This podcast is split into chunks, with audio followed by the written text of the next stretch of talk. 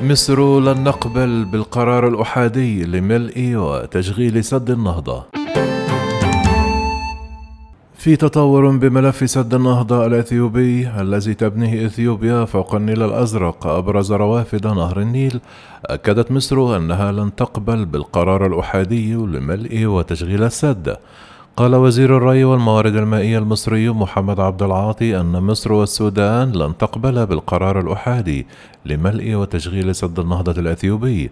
كما أكد الوزير حرص مصر على استكمال المفاوضات بشأن السد مع التأكيد على صون حقوق مصر المائية. وقال عبد العاطي أن بلاده منفتحة على استكمال المفاوضات للتوصل لاتفاق قانوني عادل وملزم ويلبي لجميع طموحات جميع الدول في التنمية مع التأكيد على ثوابت مصر في حفظ حقوقها المائية وتحقيق المنفعة للجميع في أي اتفاق حول سد النهضة. وأشار إلى طلب مصر والسودان بمشاركة أطراف دولية تقودها جمهورية الكونغو الديمقراطية وتشارك فيها الولايات المتحدة والاتحاد الأوروبي والأمم المتحدة لدعم منهجية التفاوض بين الدول الثلاث بشكل فاعل بهدف تعظيم فرص نجاحها خاصة مع وصول المفاوضات إلى مرحلة من الجمود نتيجة ما تعتبره تعنتا أثيوبيا.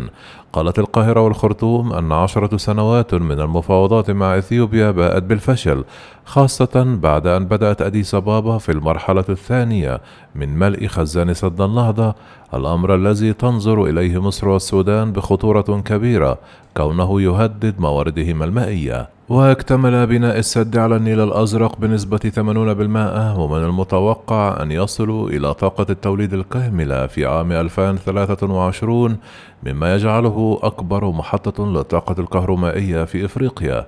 تقول إثيوبيا أن المشروع الذي تبلغ تكلفته خمسة مليارات ضروري لتعزيز التنمية الاقتصادية وإمداد الغالبية العظمى من سكانها بالكهرباء.